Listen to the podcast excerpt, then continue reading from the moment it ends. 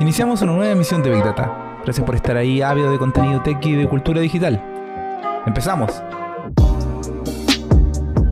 Hola, ¿qué tal? Bienvenidas y bienvenidas a Big Data en su segunda temporada. Gracias por su apoyo, por sus mensajes. Antes de comenzar, quisiera recordarles que estamos en Spotify, Apple Podcasts, Google Podcasts y donde sea que escuches tu podcast. También en anchor.fm, ahí también nos puedes encontrar. Así que muchas gracias. Y dicho esto, comenzamos.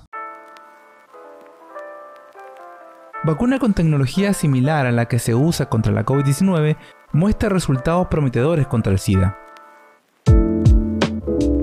Menos de un año de iniciada la pandemia, pudimos contar con vacunas seguras y efectivas contra la SARS-CoV-2. Que estas vacunas se hayan desarrollado tan pronto no tiene que ver con que se hayan saltado pasos o que nos hayamos apurado en desarrollarlas, sino con que se partió desde una investigación y desarrollos que ya existían, como por ejemplo el uso del ARN mensajero o el ARNM para desarrollar vacunas. Si bien algunas vacunas de COVID-19 son las primeras en su tipo respecto a esta tecnología, en realidad era algo que se venía estudiando por décadas. Una ventaja que tiene la tecnología del ARNM es que es una forma de reducir los tiempos de producción de una vacuna, por eso las primeras que tuvimos a disposición para inmunizar a la población fueron justamente las que se hicieron con esta tecnología, como las de Pfizer y Moderna, por ejemplo. Que existan estas vacunas no solamente nos da una herramienta para detener la pandemia, sino que además es una muestra de que podemos tener otras vacunas seguras y efectivas usando la tecnología del ARNM. Una de las vacunas más deseadas desde hace algunas décadas es una que contra el VIH, el virus de la inmunodeficiencia humana que causa el SIDA, y del cual estuvimos conversando en mayor profundidad en el capítulo pasado de este podcast. Este virus, que surgió hace casi cuatro décadas y que se extendió también en forma de pandemia, cuenta con con ciertas características que han hecho que sea muy complicado que se pueda desarrollar una vacuna efectiva que logra además desarrollar una suficiente cantidad de anticuerpos en el organismo. Si bien ahora existen tratamientos efectivos contra el síndrome de la inmunodeficiencia adquirida, SIDA, todavía sigue siendo una meta obtener una vacuna que prevenga la infección en primer lugar. Y tal vez la misma tecnología que usamos para generar algunas vacunas contra la COVID-19 podrían acercarnos al objetivo de tener una vacuna contra el VIH. Las vacunas contra la COVID-19 usan ARN para llevar instrucciones a nuestras células sobre cómo fabricar la proteína espiga del coronavirus. Como no tiene las instrucciones para un virus completo, no nos infectamos, pero ante la producción de estas proteínas, nuestro sistema inmune reacciona y comienza a producir anticuerpos ante la enfermedad. Así, la siguiente vez que esta proteína llega a nuestras células, en el caso en que nos infectemos, por ejemplo, de COVID-19, los anticuerpos sabrán qué hacer y neutralizarán al coronavirus. Un nuevo desarrollo de vacuna de VIH que se está probando por ahora usa ARNM mensajero, que lleva instrucciones para poder producir dos proteínas de VIH llamadas ENB y GAG. Los resultados publicados hoy en la revista especializada Nature Medicine muestran que la vacuna produce una respuesta inmune contra el VIH en primates, pero no en humanos todavía, sobre todo si se aplica la vacuna en un esquema de varios refuerzos, de manera similar a lo que estamos viendo, digamos, en el mundo entero con la vacuna contra la COVID. Estas pruebas todavía deben extenderse para reunir más información, pero uno de los autores del estudio, el doctor Paolo Luso, ha dicho que si se confirma que es seguro y efectivo, planeamos realizar más pruebas de fase 1 de esta plataforma de vacuna en voluntarios adultos sanos y de esta forma poder seguir avanzando en el desarrollo de una vacuna contra el VIH. Científicos italianos crean un robot humanoide que volará como Astro Boy. Adaptar un aparato volador a un robot humanoide es el gran desafío de los científicos del Instituto Italiano de Tecnología. Es un proyecto pocas veces visto, pero que confían poder desarrollar en los próximos años. Su nombre es Iron Cup y hasta ahora sería la solución actual más común para la manipulación aérea, en palabras de uno de sus creadores, el doctor Daniele Pucci, jefe del Laboratorio de Inteligencia Artificial y Mecánica del IIT. El pequeño robot Iron Cup contará con cuatro motores a reacción y además su rostro será muy parecido al de una muñeca de juguete un robot humanoide podría ser más fácil de controlar gracias a un punto de contacto entre el robot y el medio ambiente, señala Pucci. Los robots humanoides podrían ser un banco de pruebas para los exoesqueletos voladores para humanos. El IIT difundió además un par de videos de vuelo de simulación del Iron Cup en situaciones de desastre ambiental. Emanaría fuego de sus brazos para poder trasladarse de un lado a otro, llevando objetos para ayudar a los afectados, por ejemplo. Para los investigadores aún queda un largo camino que recorrer ya que hasta ahora lo que existe es un proyecto. El próximo reto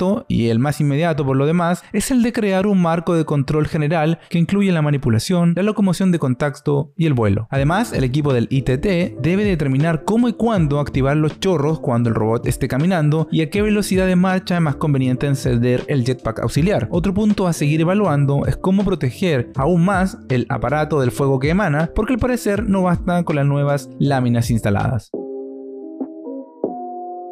Trastorno obsesivo compulsivo. Un estudio da un nuevo enfoque para su tratamiento.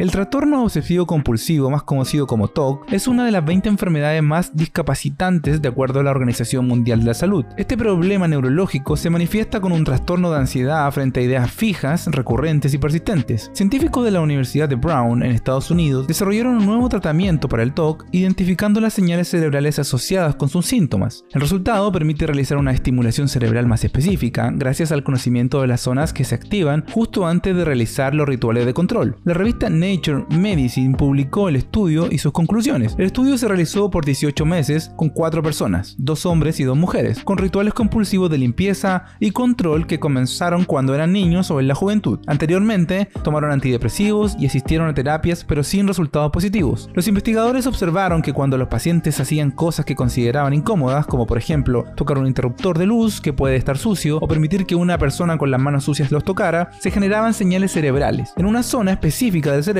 llamada la zona de recompensa, que es donde se originaban estas ondas. Aquí es donde, de acuerdo con esto científico, debe realizarse la estimulación cerebral que consiste en que una cirugía pueda colocar electrodos en el cerebro. El monitoreo realizado a los voluntarios permitió a los investigadores vincular las ondas cerebrales con los flujos y reflujos de la afección. Nicole Provenza, quien dirigió el estudio, señala que es la primera vez que las señales cerebrales de los participantes con una enfermedad neuropsiquiátrica se han registrado crónicamente en cada caso, junto con las medidas de comportamiento relevantes. Usando estas señales cerebrales podemos diferenciar cuando alguien está experimentando síntomas de TOC y cuando no. Esta técnica hizo posible registrar diversidad de comportamientos y de actividad cerebral, apunta el doctor David Burton, uno de los autores principales del estudio. El TOC puede ser increíblemente debilitante, con rituales de limpieza o control compulsivos que ocupan el 100% del tiempo y la energía mental de las personas. Para los más gravemente afectados, pueden sentirse mentalmente atrapados incapaces de salir de su hogar por temor a que se contaminen con suciedad o que algo malo pueda suceder. La estimulación cerebral que reacciona a los síntomas y su gravedad realmente podría ayudar a las personas con TOC y es por eso que vamos a continuar trabajando.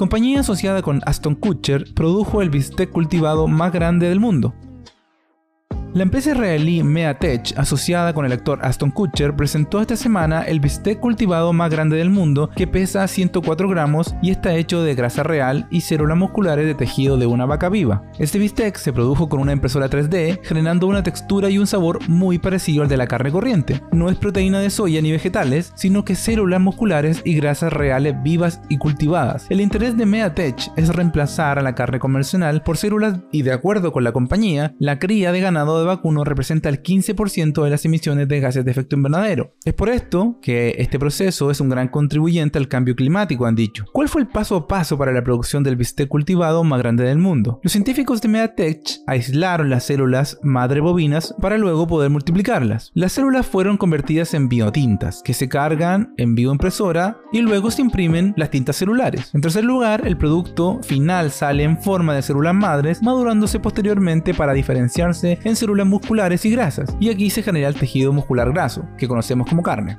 Cada paso del proceso de carne cultivada se desarrolló y optimizó internamente desde la formulación de la biotinta única y funcional hasta los protocolos patentados de diferenciación celular de las células madres y las técnicas, por ejemplo, de impresión patentadas, recalca la empresa. Aunque los científicos no han dado a conocer aún el tiempo requerido para la creación del bistec, sí indican que toma solo una fracción de los 18 meses de la carne común. Imagine las posibilidades para las poblaciones mundiales si la carne de primera calidad cultivada pudiera producirse rápida y virtualmente en cualquier momento y en cualquier parte del mundo, señala Meatech.